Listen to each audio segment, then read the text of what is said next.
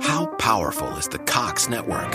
So powerful that one day the internet will let your doctor perform miracles from thousands of miles away, Connecting to remote operating room. giving a whole new meaning to the term house call. Operation complete. The Cox network, with gig speeds everywhere, it's internet built for tomorrow, today. Cox, bringing us closer. In Cox serviceable areas, speeds vary and are not guaranteed. Cox terms apply, other restrictions may apply.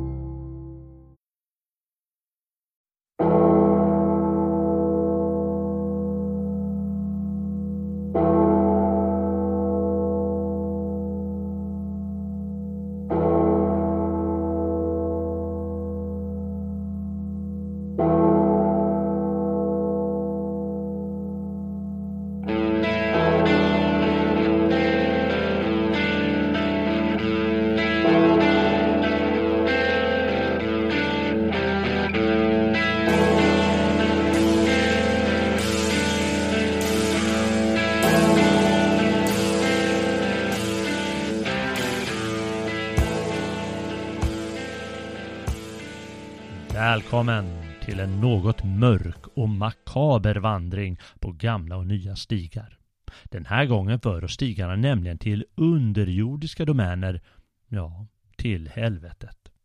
Med hjälp av stora diktare och böcker som Homerus, Vergilius, Eddan, Kalevala, Dante med mera får du, kära lyssnare, ta del av vad som händer där nere i underjorden bland fasansfulla monster, vidriga stanker, helvetesugnar och allt vad som kan finnas där nere. Den mänskliga fantasin får hos böckerna i fråga fritt utlopp när de målar upp underjordens fasor. Och tänk därpå, om det blir för skrämmande då kan du alltid trycka på paus. Dante själv svimmar flera gånger under sin vandring genom helvetet. Tyvärr är inte Dante med oss just idag. Planen var först att det här skulle bli ett program, men det visade sig snart att materialet svällde så mycket att jag var tvungen att göra tre avsnitt av det hela. Vilka ska portioneras ut antingen i följd eller med avsnitt om Mozart och ståndaktiga soldater emellan helvetesprogrammen. Det märker vi de närmaste veckorna. Dagens avsnitt, det första i raden, tar en titt på antikens hedniska föreställningar om dödsriket och de äventyr som utspelar sig i Hades, som grekerna kallade de dödas rike. Det gör vi med hjälp av Homerus, Vergilius och andra stora diktare från Hellas och Rom. Nästa avsnitt kommer att granska de nordiska dödsrikena i Hel och Tuonela med hjälp av Edda-dikter, Snorre Sturlason, Kalevalle med mera. I det tredje programmet kommer äntligen Dante Alighieri att berätta om sin sightseeing i det kristna helvetet och John Milton om pandemonium där nere i helvetet och en del annat. Hur som helst, jag heter Jalle Horn och önskar en spännande stund. Nu drar vi åt helvetet.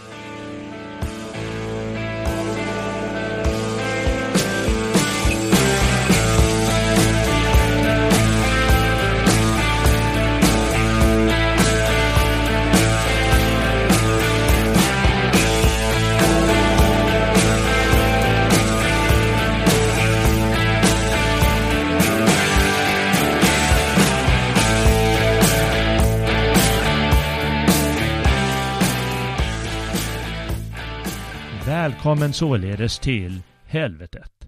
Och grattis! Ty framför dig skådar du horder av de svenska förrädare som de senaste 50 åren har gjort vårt underbara land till, mm, på många sätt, ett helvete.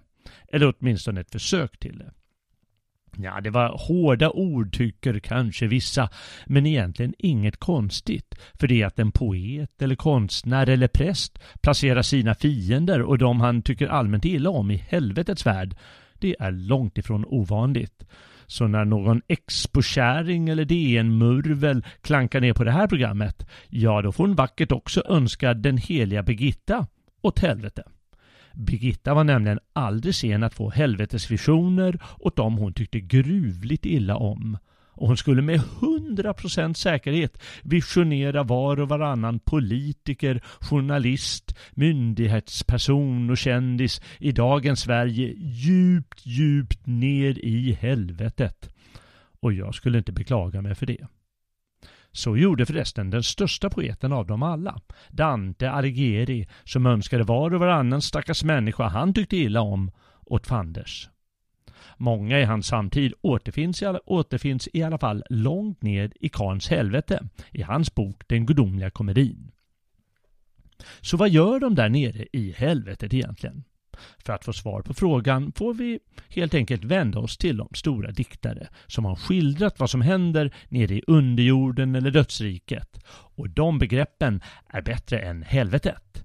De flesta förknippar helvetet med den kristna traditionen, men de europeiska folkens hedniska traditioner, traditioner har förstås mycket att säga om händelser i underjorden. Hades, Tartarus, Hel, Niflheim, Tuonela med mera. Givetvis har föreställningen funnits bland alla människor i världen.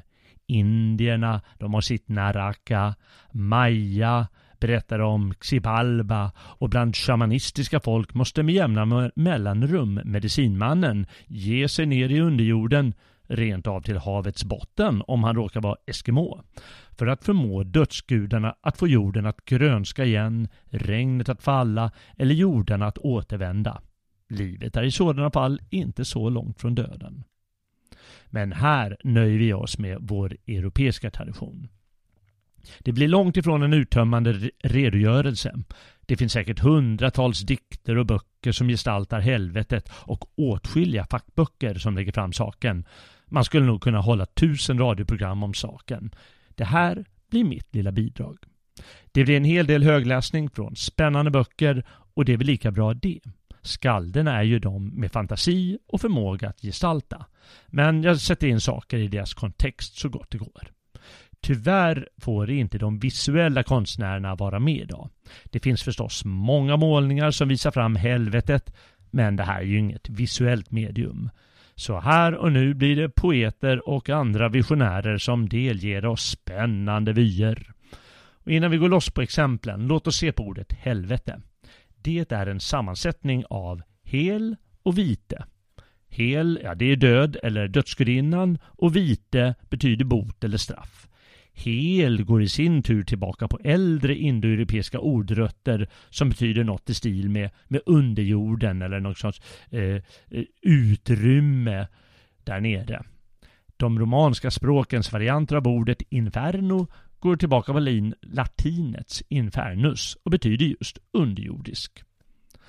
De flesta av våra föreställningar om helvetet kommer förvisso från den kristna traditionen, men den har förstås färgats av hedniska föreställningar, filosofer och berättelser. Därför ska vi börja i den änden. Och lyckligtvis blir det med vår äldsta europeiska författare. En sista sak vill jag tillägga. Alla de böcker som nämns i det här avsnittet finns i helt modern översättning av Ingvar Björkesson, vår tids största översättare av gammal litteratur. Det kan vara bra att veta för den som inspireras och vill läsa mer om Hades och annat. Här används dock många olika översättningar av Homeros och kompani. Den gamla grekiska författaren Homeros lär ha levat kring år 800 f.Kr.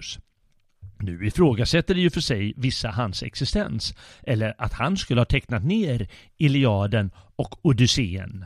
Ja, det finns många meningar om honom och de två böckerna, men varför förstöra en god tradition? Homeros är kort och gott vår äldsta europeiska författare och kanske den bästa av dem alla. I hans berättelse Odysseen, som för övrigt har förärats ett program på Svegot Plus med mig och Robin Holmgren, kämpar Odysseus efter det trojanska kriget med att segla hem till sin hemö Itaka för att återförenas med sin hustru Penelope och sonen Telemachus. Under den tioåriga resan upplever han många äventyr, ofta av den hemskare sorten. Den mest skrämmande torde vara hans tur till underjorden. Odysseus och hans mannar har i ett år varit fast på en ö hos häxan Kirke som har förvandlat hans mannar till djur och hållit honom själv som sexpartner. Men nu känner hon sig tillfreds och låter Odysseus fara vidare. Men för att få goda råd att hitta fram uppmanar Kirke honom att uppsöka siaren Teiresias. Men den är ju död och befinner sig i underjorden, i Hades, dödsriket, dit Odysseus alltså måste fara.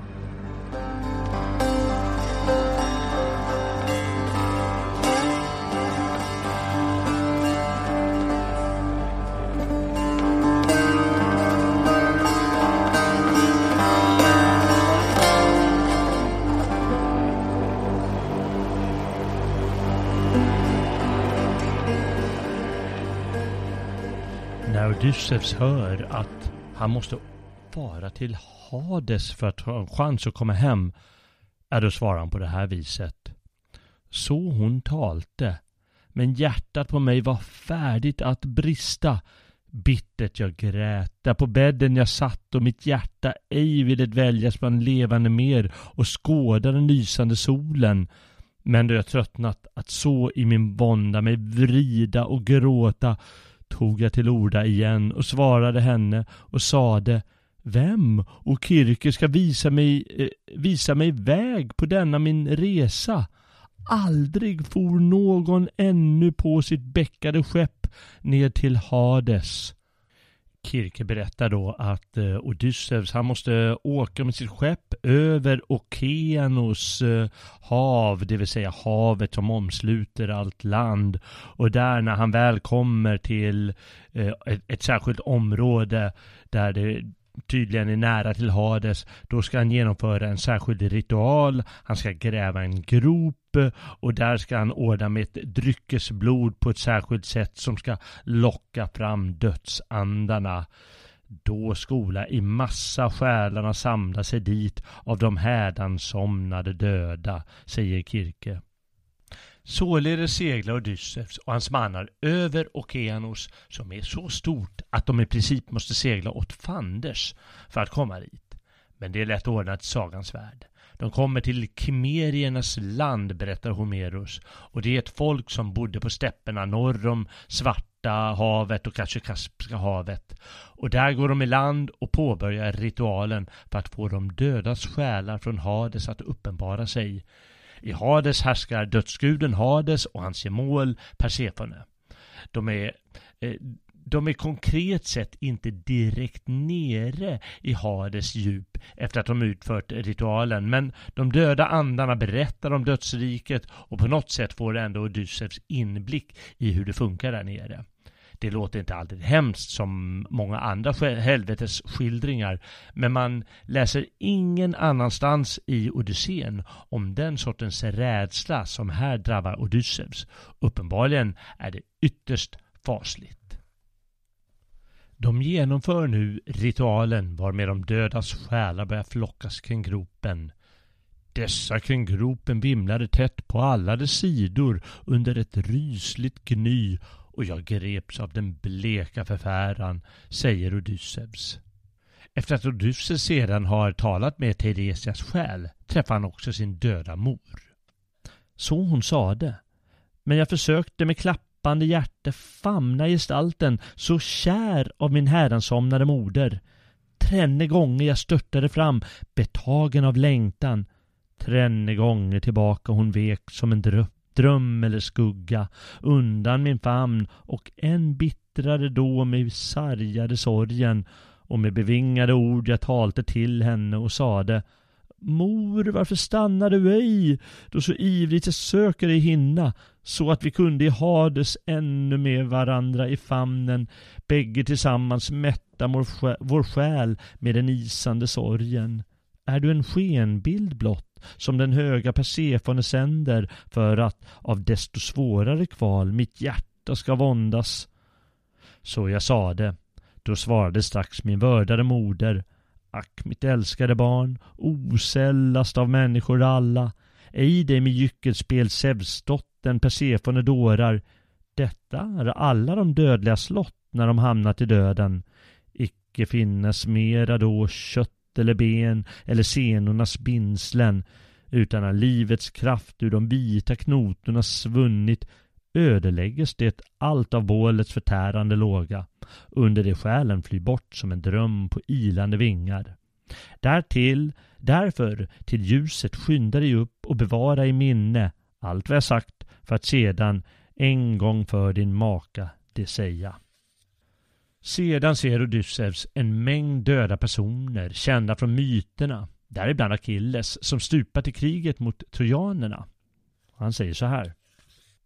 Själen av Ajakos ättlingen snabb med känder och genast och med bevingade ord han klagande talte och sade Ädle Laertes son, du mångförslagna Odysseus, när ska du våga ett djärvare dåd förvägne än detta? Hur fick du mod att i Hades gå ner, där allenast de döda dväljas med slocknad själ, blott skuggor av dem som har levat? Så han talte, men jag svarade honom och sade Häll dig, Akilles, Pelevs son, bland akajer den störste. Kommen jag är för Teresias skull, om man kanske är mäktig, ge mig ett råd hur jag hem ska komma till Itakas klippö.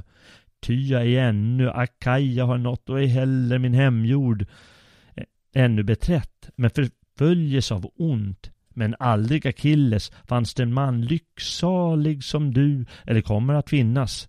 Fordom hedrade dig när du levde, agiverna ständigt som om du varit en gud. Och nu är ju här bland de döda stor din härskare makt. Så sörj din död, sörj ej din död, o Akilles. Så jag talte. Men han mig svarade genast och sade Sök ej att trösta mig över min död, du berömde Odysseus.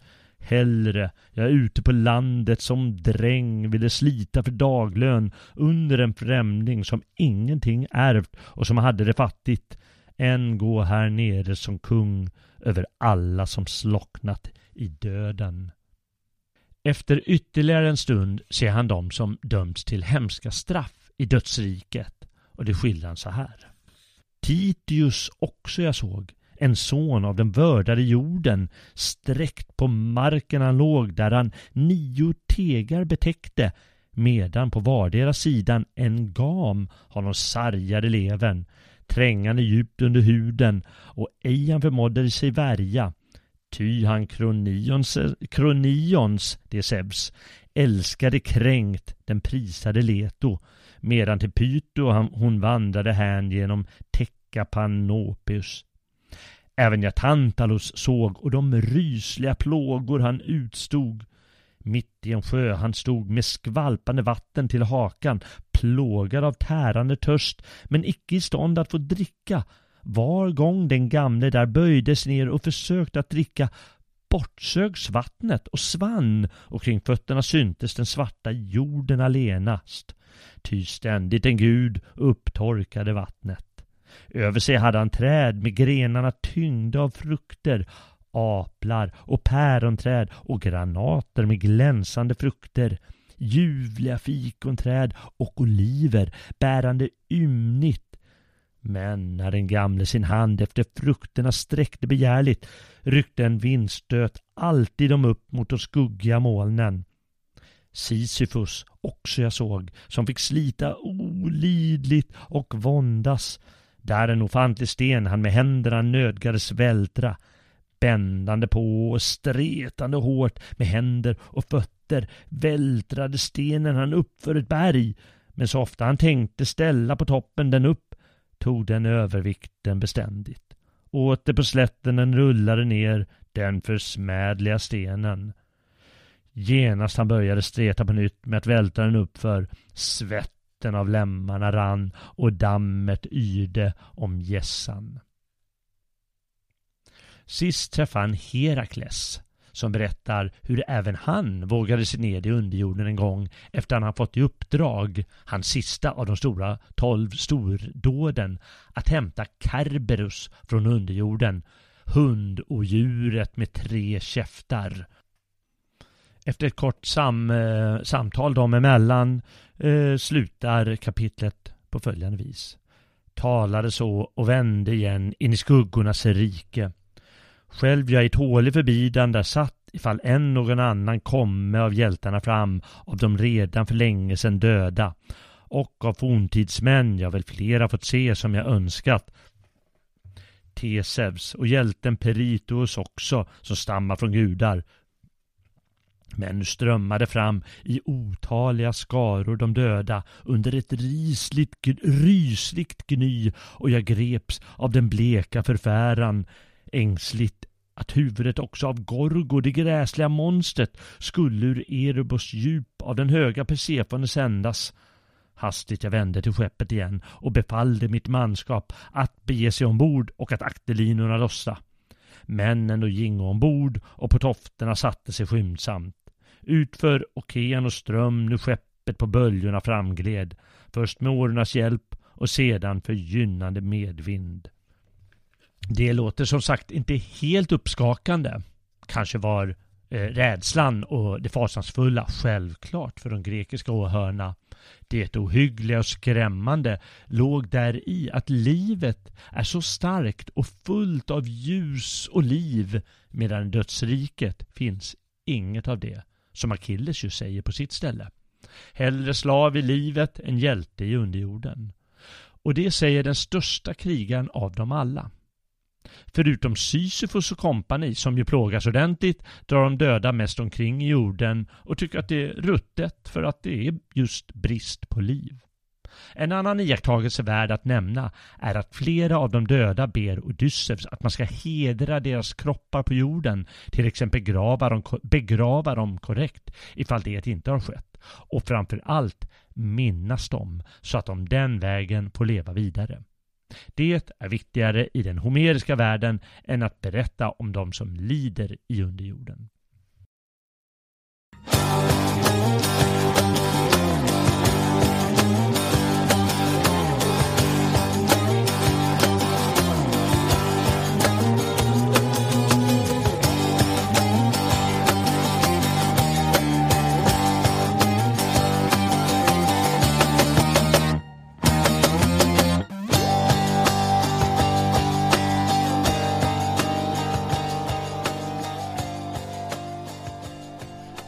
Lite senare än Homerus levde en annan poet vid namn Hesiodos, troligen på 700-talet f.Kr. Han har gått till historien för sina två verk Teogonin och Verk och dagar. I Teogonin berättar han om världens uppkomst och gudarnas härstamning, allt ifrån de första urvarelserna över gudaätten titanerna till de olympiska gudarna, Zeus och kompani. Framförallt får vi höra om kampen mellan Zeus, den sist födde men starkaste av de olympiska gudarna och hans kamp mot titanerna, gudätten som alltså föddes före honom och hans bröder och systrar. Den djupaste delen av underjorden heter Tartarus och där finns titanerna fängslade efter att Zeus besegrat dem med hjälp av tre cykloper. Så här berättar Hesiodos när cykloperna just har besegrat de trotsiga titanerna. Men sen de slagit och kuvat den trotsiga skaran, den sändes ned under jorden, hur tappert de än hade kämpat i striden. Att därför smäkta med kropparna slagna i tyngande bojor fördes en väg dem så lång som himlen sig skiljer från jorden. Sådan är sträckan från människorna, människornas hem till Tartaros riken liksom en åskvigg slungad från himlen i dagarna nio flöge mot jorden och först på den tionde dagen den nådde. Så den och flöge i dagarna nio omkastad från jorden och på den tionde först den lände till Tartaros riken.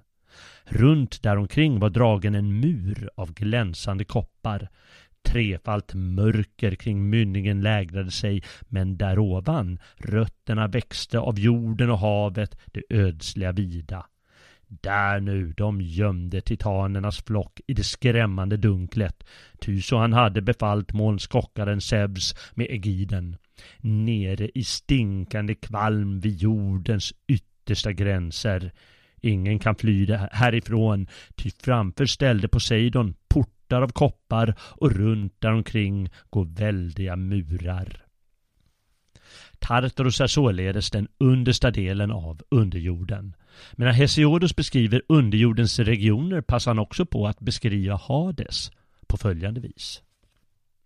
Men där framme står också en borg som ljuder av klagan. Hades, den starke, där bor och den rysliga Persofoneia. Framför dess portar en hund håller vakt, ej ömkan han känner. Bakslug är han och falsk, för den som går in genom porten viftar han vänligt med svansen och slukt med öronen slokar. Men tillbaka får aldrig han gå, där ligger, han, där ligger på lur han för att få sluka den man som sökt att sig rädda på flykten. Med titanerna Kerberus och dödsguden själv närvarande i underjorden, om än på olika ställen, kan man förstå skräcken folk upplevde när mor och far berättade om platsen. Ungefär 800 år senare, under första århundradet före Kristus, skriver den romerska poeten Vergilius sitt stora hjälteepos Eniden om den trojanska hjälten Eneas som enligt en myt flyr från Troja och grundar ett nytt rike på en annan plats som kommer att bli Rom. Vergilius låter honom bli romarnas stamfader. Eniden är därför romarnas stora nationalepos. Mycket medvetet efterliknar Vergilius sin förebild Homeros på många sätt. En resa till dödsriket är därför ett självklart inslag i boken. Eneas, han har nyligen lämnat Kartago där han har haft en kärleksaffär med enkedrottningen Dido. När han väljer att lämna henne för det högre ödet att bli anfader till romarna kastar hon sig på elden. För att få råd vart han ska åka för att finna ett nytt hem för sitt folk det är några skepp då med trajaner, trojaner som flydde från Troja när staden föll mot grekerna. Åker han till Kume nära Neapel där den berömda kumeiska Sibyllan, en sierska alltså, kan föra honom ner i underjorden till de dödas rike. Vergilius återger mycket mer av dödsriket än Homerus och ger också en liten teori om hur själar återvänder till jordelivet för att ta plats i nya kroppar. På Vergilius tid hade filosofer, poeter, religiösa män med mera under flera hundra år diskuterat de eviga frågorna, så det är inte underligt att han ger lite mer utförliga förklaringar inom berättelsens ram. I och med att Eneas, till skillnad från Odysseus, faktiskt går ner i underjorden kan Vergilius skildra personer och händelser där på ett mycket konkretare och färgrikare sätt. Där nere finns bland annat floder och sjöar, Acheron, Styx, Lete, Flegeton och Kokytos. Vergilius har förstås läst sin Hesiodos. Hades, som här också kallas Orkus, hyser en djupare region, Tartarus, var i Zeus en gång vräkte ner monster och titanerna, de gudar som i tidernas gryning krigade med de olympiska gudarna. Tartarus är förstås den hemskaste platsen i underjorden. Vergilius drar sig inte för att berätta om allt det fasansfulla och gåtfulla där nere. När de kommer fram till Kuma och eh, stiger land träder Eneas in i, eh, i det heliga templet som finns där och får kontakt med Sibyllan och frågar ett blott ber jag dig om. Finns här en nedgång till Hades? Ligger det mörka träsket här med Acherons flöden? Till, eh, tillåt mig då att möta min far och höra hans stämma. Visa mig vägen du och öppna den heliga porten. Altaret famnar han under sin bön och sierskan svarar honom med följande ord. O son av Ankises och Troja, född av gudars blod, stiga ner till Avernus är enkelt. Avernus är ett annat namn på underjorden alltså. Porten står öppen dag och natt till mörkrets domäner. Men att med omvänd fot nå upp till jorden och ljuset, det är riskfyllt och svårt. Blott gudars söner har lyckats, blott de få som älskats av Zeus eller lyftes till eten, burna av brinnande dygd. Dit fram är det ändlösa skogar. Slingrande sluter sig där omkring det svarta cocytus. Men om det åtrår så hett att tvenne gånger blir fraktad över den Stygiska sjön och två gånger skådar det mörka Tartarus, om en så vanvettig färd dig verkligen lockar, hör vad du då måste göra först. Och så berättar hon hur, de, eh, hur man kommer dit och, eh, och så förbereder de nedgången med ritualer. och sedan öppnar sig en ingång varur vedervärdiga dunster strömmar ut och stiger mot himlen.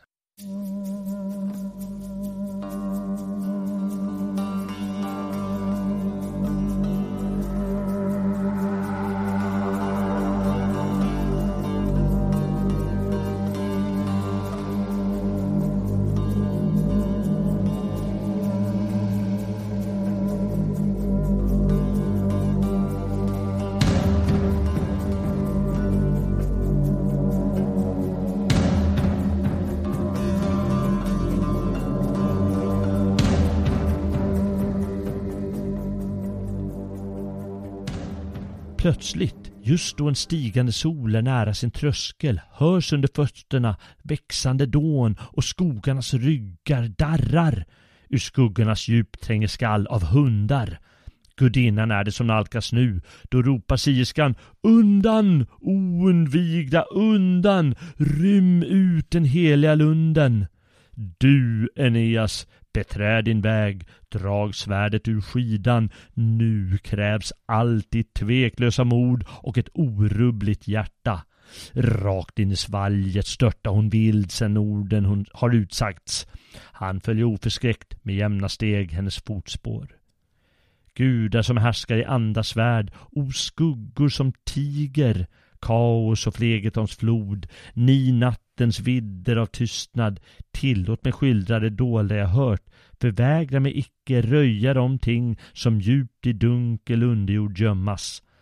Mörka, skrid, mörka skrider de fram i öde natt genom skuggor och genom dödsfurstens tomma palats, hans intiga rike, liksom i skogen ibland man går under otillförlitlig måne med svekfullt ljus, sedan Zeus i töcken har insvept himlen och tingen miss sin färg i det nattliga dunklet.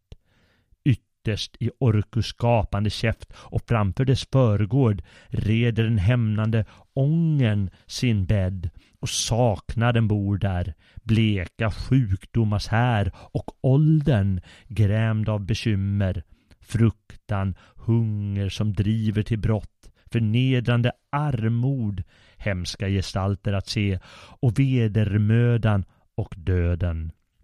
Därintill dvalan, dödens bror och sinnens onda fröjder och framför dem vid tröskeln det modiska kriget.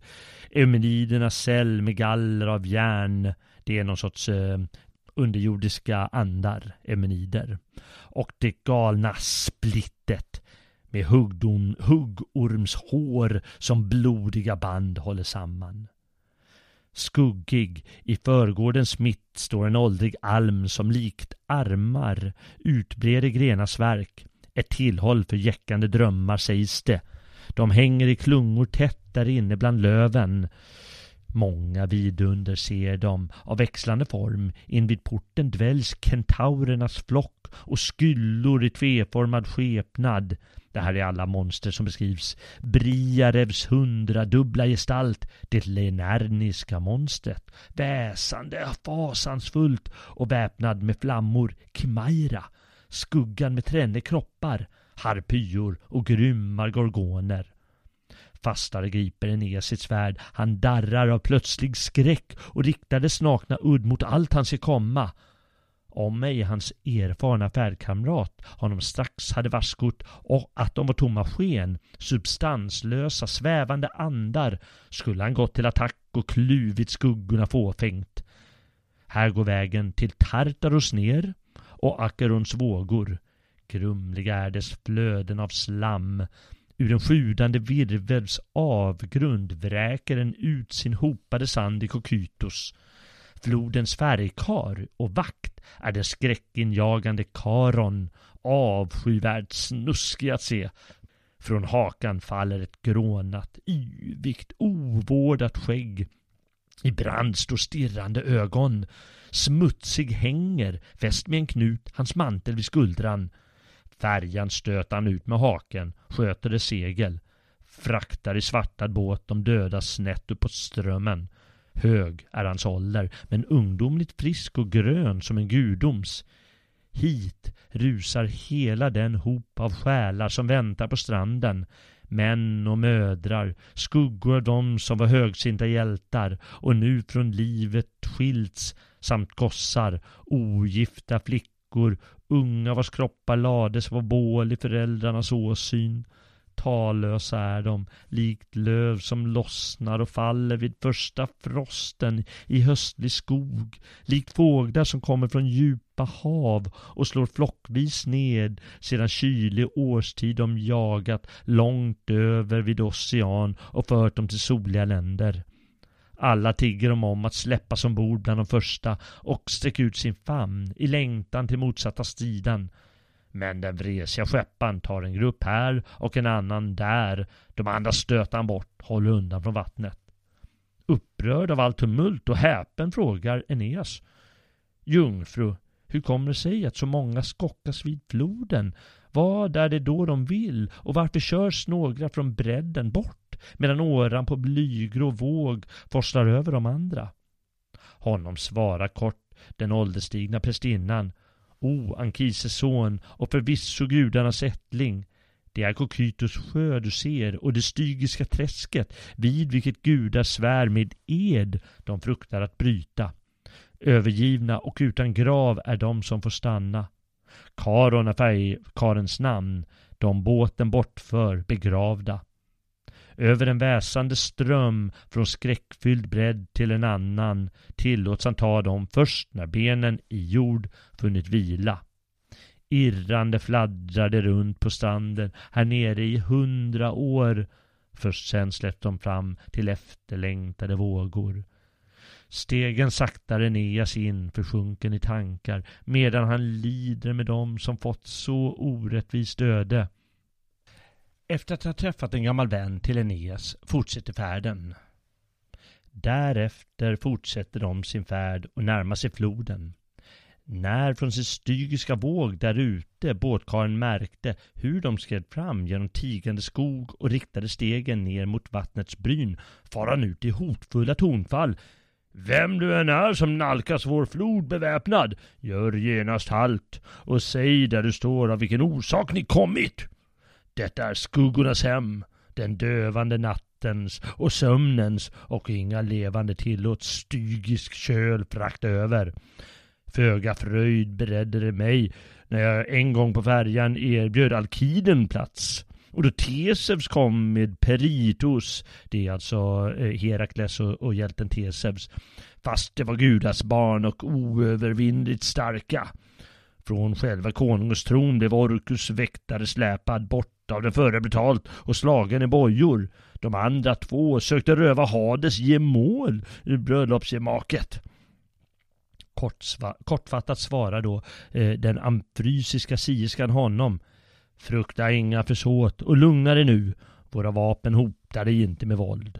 Må evigt er väldiga portvakt skälla ur grottan fritt och skrämma blodlösa skuggor ärbar må i sin farbrors palats Proserpina leva.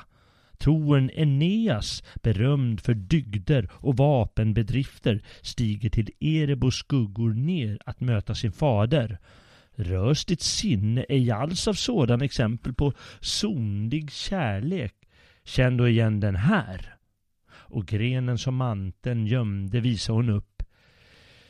Det av vrede svällande hjärtat sjunker, mer blir det sagt. Förundrad betraktar han gåvan, ödets heliga gren, som ej på lång tid han skådat. Svartnad bakstam vänds mot land och han anlöper stranden. Själar som skyndat tar plats på färjans avlånga bänkar driver han bort, gör mittgången fri och den kraftige troen ber han stiga ombord. Eneas alltså. Den sömmade farkosten kvider under hans tygd, tyngd och träskets dy forsar in genom läckor Välbehållda når de till slut den motsatta sidan och sätts i land bland mörkgrön säv i en vämjelig gyttja.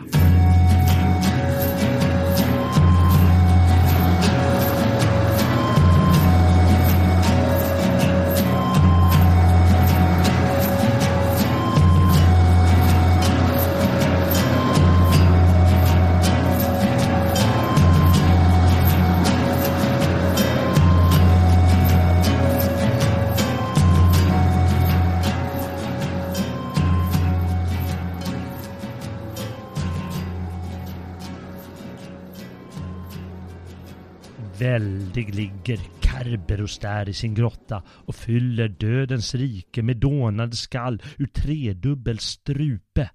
Ormar reser sig tätt på hans hals men sierskan kastar åt honom strax ett bröd som honung och magiska örter givit sin sövande kraft. Tre käftar, vilda av hunger, snappade åt sig glupskt. Därefter sänker han ryggen, lägger i hålan sig ned och sträcker ut ofantliga lemmar. Snabbt, sedan väktaren fallit i sömn, passerar Eneas öppningen, lämnar en våg som ingen återvänt över. Genast kan de förnimma rop och klagande röster från alla själar av barn i gråt vid ingångens tröskel, vilken sorgens dag i förtid sänkte i graven, ryckta från moderns bröst, berövade tillvarons ljuvhet. Nära intill dväljs de som skuldlösa dömdes till döden. Hit får de komma först sedan de prövats. Domaren, Minos, utser med urnan nedsvurna män, kallar samman den tysta skaran, rannsakar så deras liv och beskyllningens grunder. Därnäst följer en sorgsna hop som utgjutit eget blod, fast inget brott de tyngt, och hatande dagens ljus slängt bort sina liv. Hur gärna ville de icke återse solen nu och utstå mödor och armod. Fast står dock deras dom, det dystra träsket och nio stygiska slingors våg har obenhörligt stängt in dem. Inte långt därifrån och vart än man vänder sitt öga sträcker sig saknadens fält. Så är det trakten benämnes. Det som en grym passion med skoningslös smitta förtärde skyddas här av en mytenskog och dess hemliga stigar. Ännu efter sin död förföljs de av kärlekens plågor. Och så eh, nämns några kärleksplågade kvinnor, bland annat Dido som fortfarande är ytterst vred på, på Eneas. Och sedan träffar han krigare som har dött, bland annat en frände till honom som heter Deifobos, en son till kung Priamos av eh, Troja, som numera ligger i, i ruiner. Nu har vi nått en punkt där vägen sig grenar i tvenne. Fram till den store Dis palats går den högra och leder oss till Elysiums fält. Den vänstra sänder de onda ner till gudlösa Tartaros kval och utmäter straffen. Och Dis, det är en underjordisk gud och de elyseiska fälten, det är ja, så nära himmelriket man kan komma i den gamla grekiska världen. Plötsligt varsnar Eneas blickande bakåt en mäktig borg under klippan på vänster hand med tredubbla murar. Flegeton, Tartaros flod, som glöder av lågor där klippblock dånande virvlar fram, väller fram i en båge därunder. Rakt fram ser han en väldig port med massiva kolonner smidda i stål som är mänsklig kraft. Ja, inte ens himlens gudar förmådde störta med våld. Den kröns av ett järntorn, järntorn varifrån dag och natt till Sifone, en ond demon, utan att sova, klädd i blodig, uppkörtad dräkt bevakades förgård. Inifrån tränger det klagande skrik och ljudet av grymma piskors slag, ett rassel av järn och släpade kedjor. Skräckslagen stannar Eneas upp och lyssnar till larmet. Jungfru, säg vilka brott som gäldas här och vad plågor blir de bestraffade med. Vad betyder all denna jämmer? Ingen rättfärdig själ Oteukres frejdade furste tillåts beträda, får han till svar, de brottsligas tröskel. Men när Hekate, en eh, häxa, gav i min vård averniska lundar, lär hon mig veta gudarnas straff och visade allting.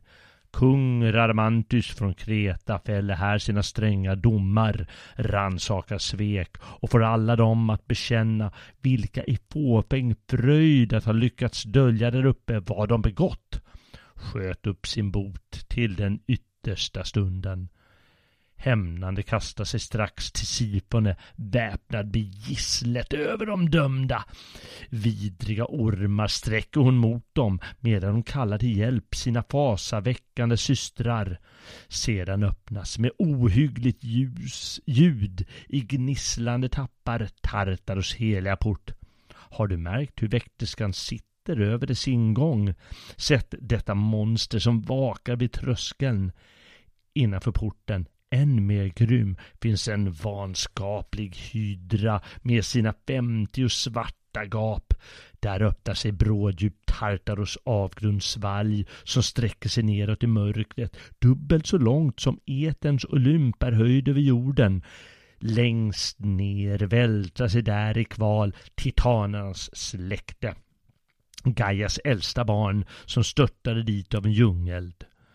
Här fick jag också se de två aloaderna, stora jättar som en gång försökt driva ner den hemliga himlen med sina händer och Jupiter själv fördriva från tronen. Såg Salmonevs som härmat allfaderns eld och Olympens dunder umgälla grymt den skuld han därvid drog på sig. Svängande i sin hand en fackla drog han i fyrspann fram i triumf bland grekiska folk genom staden i Elis och gjorde anspråk själv på den ära som tillkommer gudar. Dåren som ville med hovars stamp på en brygga av koppar ge illusion av storm och den oefterhärmliga blixten. Men genom täta moln har alltets härskare slungat då mot honom sin vigg. Ingen, inga rykande bränder och facklor och han, höll, och han föll handlös ned av en virvel kastad till marken.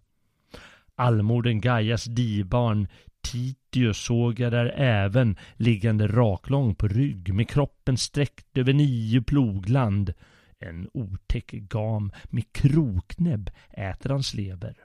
Tär hans inre organ där kvalen ständigt förnyas, rotar under sitt fästande vild och bor under bröstet.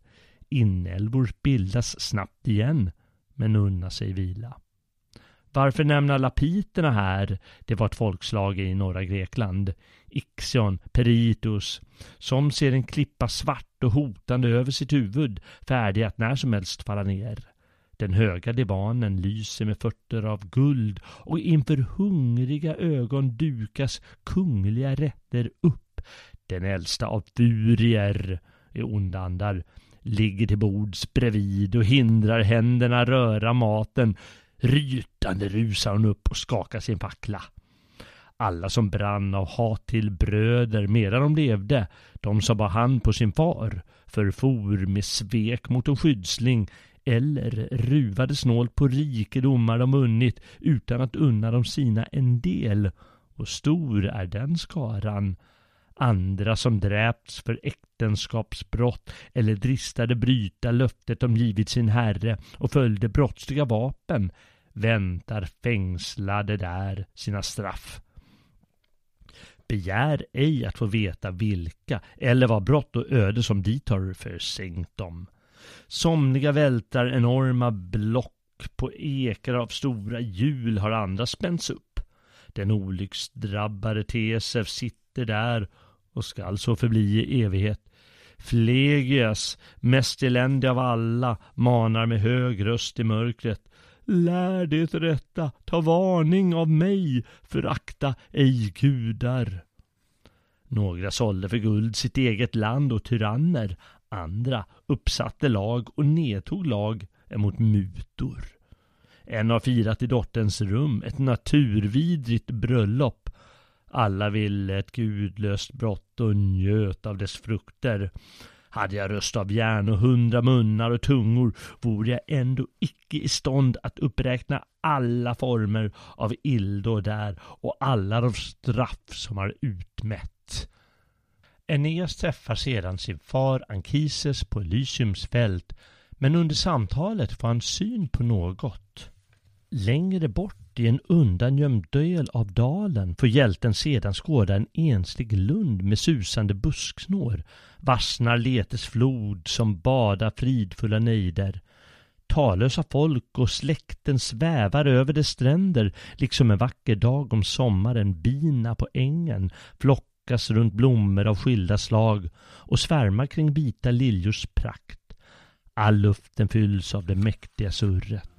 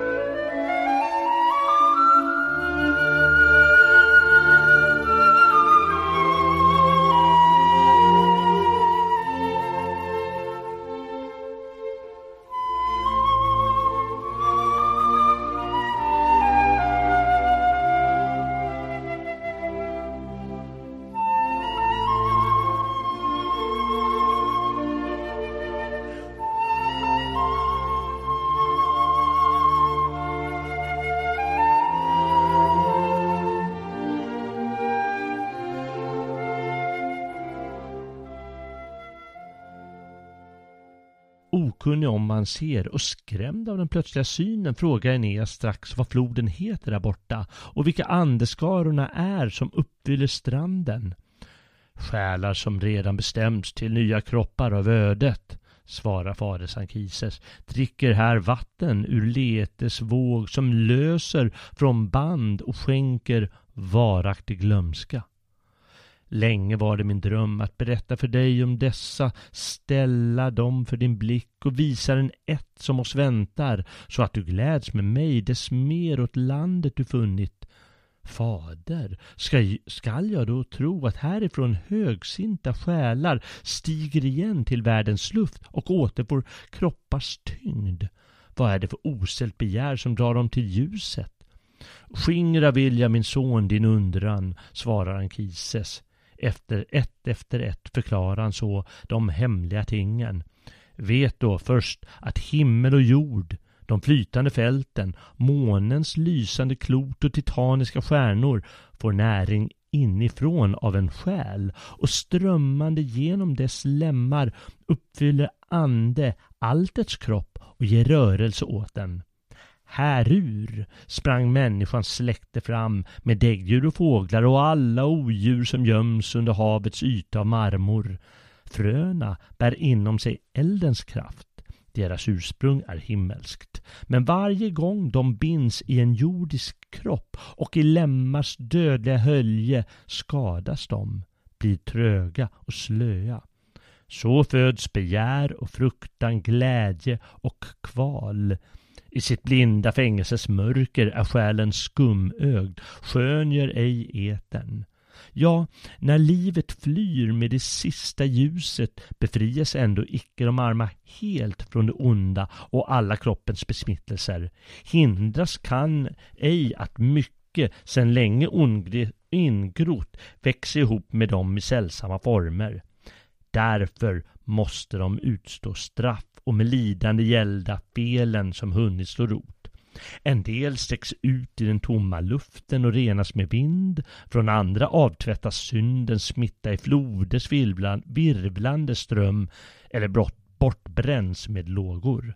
Manerna undgår vi ej. Manerna är dödsandar.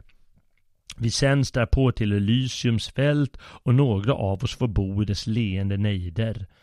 Sist när en lång dag gått och tidens cirkel är sluten har, har varje fläck plånats ut och intelligensen från eten, andens odelbara eld, fått sin renhet tillbaka.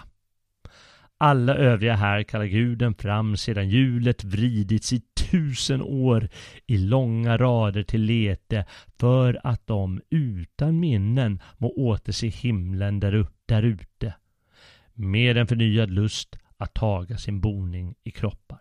Ja, sedan berättar Ankises om Eneas öde och om Roms framtid, en höjdpunkt i boken. Och eh, till sist så går Eneas och Sibyllan ut ur Hades. Vergilius ger oss mycket klarare beskrivningar av underjorden än Homerus och han ger svar på en mängd frågor om den dödas rike. Därvid har han förstås färgats av alla idéer som florerade på hans tid och som han bakar in i underjordsvärlden i Eniden. Vi får till exempel svar på varför människor är så måna om att begravas korrekt och varför vissa straffas så hårt i dödsriket och hur själarna renas för att efter lång tid ta plats i nya kroppar på jorden. Vi får också grunden för alla helvetesvisioner hos kristna författare serverad här. Vergilius är ju rent av Dantes vägvisare genom helvetet och skärselden i den gudomliga komedin som bland annat är ämnet för tredje avsnittet i vår helvetes-serie. Vergilius visar ju i sin bok på all jämmer för de som levt odygdigt och belyser straffen hos Sisyfos och många andra i underjordens djup, men också hur själarna kan renas från sina synder.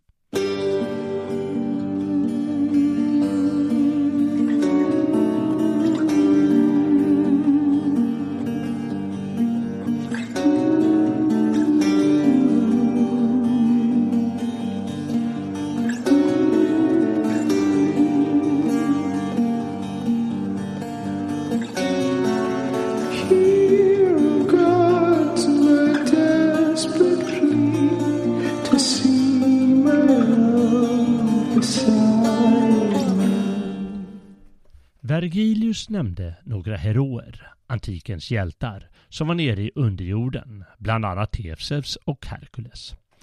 En av de vackraste myterna om underjordsfarare handlar om Orfeus, den gudomliga sångaren från Rhodope, en plats i Trakien nordost om Grekland. Han som fick allt och alla att stanna upp när de hörde honom spela på lyran och sjunga därtill. Inte för intet handlar den första operan långt senare i Europas historia, år 1600, om Orfeus och hans älskade Evridike. En av sagorna om Orfeus berättar om hur hans stora kärlek, Evridike, blir biten av en giftig orm när de firar bröllop, varmed hon dör och hamnar i underjorden. Orfeus beslutar sig dock att hämta hem henne därifrån. Berättelsen om Orfeus fanns hos grekerna och eh, det finns många mytiska, mystiska dikter i hans namn. Det var tidvis en sorts religiös sekt. Fast de berättelser som har överlevt, vilka berättar om eh, Orfeus, de är av romersk penna. Vergilius han berättar i boken Georgica kort om hur Orfeus måste gå ner i dödsriket för sin älskade skull. Lite fylligare skildrar Vergilius yngre romerska poetkollega Ovidius berättelsen i sitt stora epos Metamorfoser. Där återger han myter om allehanda förvandlingar.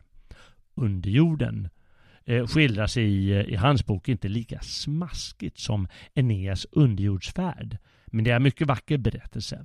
Hades bär här sitt romerska namn Pluto och hans hustru är som tidigare sagts Persefone. Tantalus, Ixion, Titius, Beliderna och Sisyfos, vilka måste utstå eviga straff i underjorden, nämns kort här och skildrades som vi hörde förut i Eniden. Vi hoppar några rader in i kapitlet. Olyckan blev mer hemsk än man trott. En dag då den unga bruden vandrade kring på en äng med en skara najader sjönk hon till jorden död av en huggorm stungen i hälen. Rådopesångaren begrät sin maka bittert här uppe men för att nå även tystnadens värld med bevekande böner steg han till skuggorna ner till Styx genom Tärnarumporten. Mitt Genom dimmigt böljande folk, gravkamrarnas skördar, tog han sig fram till Persefone själv och till skuggornas herre, Pluto, som härskar i tystnadens land. Till klangen av lyran sjöng han Ni väldiga makter som här behärskar det rike där vi församlas en gång, alla dödliga släkten på jorden, vilja ni giva mig rätt att fri från hycklande omsvep tala ett sanningens ord. Jag har ej kommit hit för att skåda Tartarus avgrundsdjup eller fängsla Kerberusunden, skräckvidundret med halsarna tre som myllra av ormar. Det är min maka som drivit mig hit. En orm som hon trampat fyllde kroppen med gift och bröt ner hennes blomstrande ungdom. Själv har jag nog velat taga det lugnt och har ärligt försökt det. Amor dock tvingade mig. Väl känd är den guden där uppe. Är han bland skuggorna också bekant? Det tror jag förvisso. Ty talar riktigt sant om en kvinna som rövades fordom har guden Amor förenat er två. Vid fasornas hemvist, kaos omätliga djup och tystnadens ödsliga rike ber jag er nu väv om min bruds redan avklippta livsväv. Allt är ju ert och efter en kort tids levnad på jorden bryter vi förr eller senare upp för att skynda till målet. Här är de dödligas mål. Här väntar en evighetsboning. Ingen härskar så länge som ni över människors släkte. Även min brud skall höra er till när hon åldrig omsider nått sina stadgade år. Ett lån, ej en gåva begär jag. Avslår nu öret min bön är jag fast besluten att aldrig vända tillbaka och gläd er då över bådas vår bortgång. Medan han sjöng och strängarnas klang ledsagade sången kräto de blodlösa andarna högt. Själv Tantalus glömde sjunkande vågor. Ixions hjul stod stilla av häpnad. Gamarna frossade ej på Titius lever och krusen ställde beliderna ner. Du, Sisyfos, satt på ditt stenblock. Sagan förtäljer att ej förrän nu Emenidernas kinder, de där eh, onda andarna i underjorden, vättes av snyftande gråt. Då kunde i dödsrikets konung eller hans höga gemål stå emot den bedjandes böner utan Evrydice kallades fram. Nyss kommen hon satt bland andarnas hop. Hon steg haltande fram ty det värkte i såret. Orfeus från Rhodope fick henne nu, men dock med ett villkor. Att han ej vände sig om förrän han hade lämnat Avernus dalar. I annat fall skulle döden behålla sitt byte. Tigande stumma gingo de två uppför stigen mot ljuset. Brant var vägen och mörk, tätt svept i töckniga dimmor. Nästan till jordytans rand hade vandringen hunnit då Orfeus, rädd att Eurydike skulle bli trött och ivrig att åter skåda sin make, vände sig om. Strax sjönk hon tillbaka. Han sträckte armarna ut i sin längtan att famnas och famna. Men han famnade blott olycklig en vikande vindfläkt. Hon som nödgades, två, som nödgades dö två gånger skyllde dock icke detta på Orfeus. Hon måste ju då ha klandrat hans kärlek.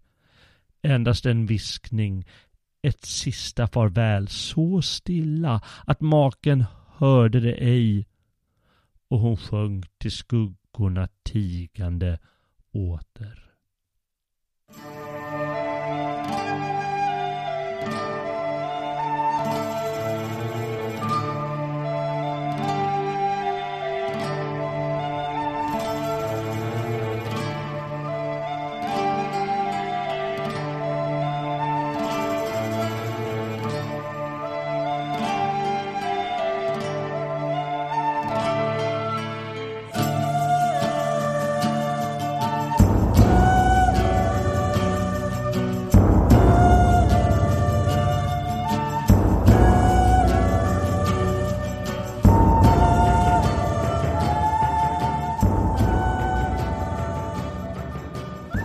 Med den olyckliga men ack så vackra berättelsen om Orfeus och Eurydike avslutar vi dagens program. Vill du att Orfeus och Eurydike ändå ska återfå varandra? Då får du titta på de många operor som har skapats om den sagan. I operans värld kan de bara inte tåla att de tu inte får varandra på slutet. Ett glatt och kärleksfullt slut skulle det vara. De tidigaste Orfeus-operorna är inte för allas öron, men lyssna gärna på Willibald Glucks version från 1762 och 1774, där det finns en italiensk och en fransk variant. Eller varför inte den mer kabaréartade Orfeus i underjorden av Jacques Offenbach från 1858. Tack för att du har vandrat med på underjordiska stigar här på gamla och nya stigar.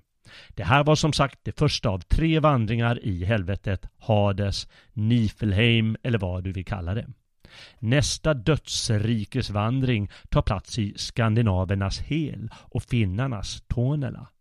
Kanske kommer ett program om Mozart före det.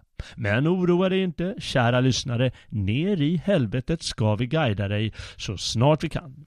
Först som sagt till nordbornas dödsriken och i ett program efter det till de kristnas helvete alla Dante och Milton med flera.